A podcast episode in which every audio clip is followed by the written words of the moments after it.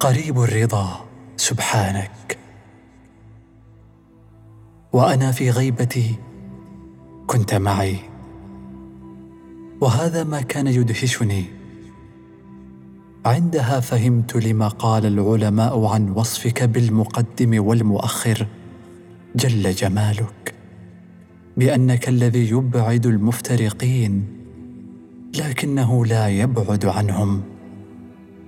بل زدت ذهولا حين سمعت كلامهم عن معنى اسمك اللطيف وأنه الذي يرحم من لا يرحم نفسه.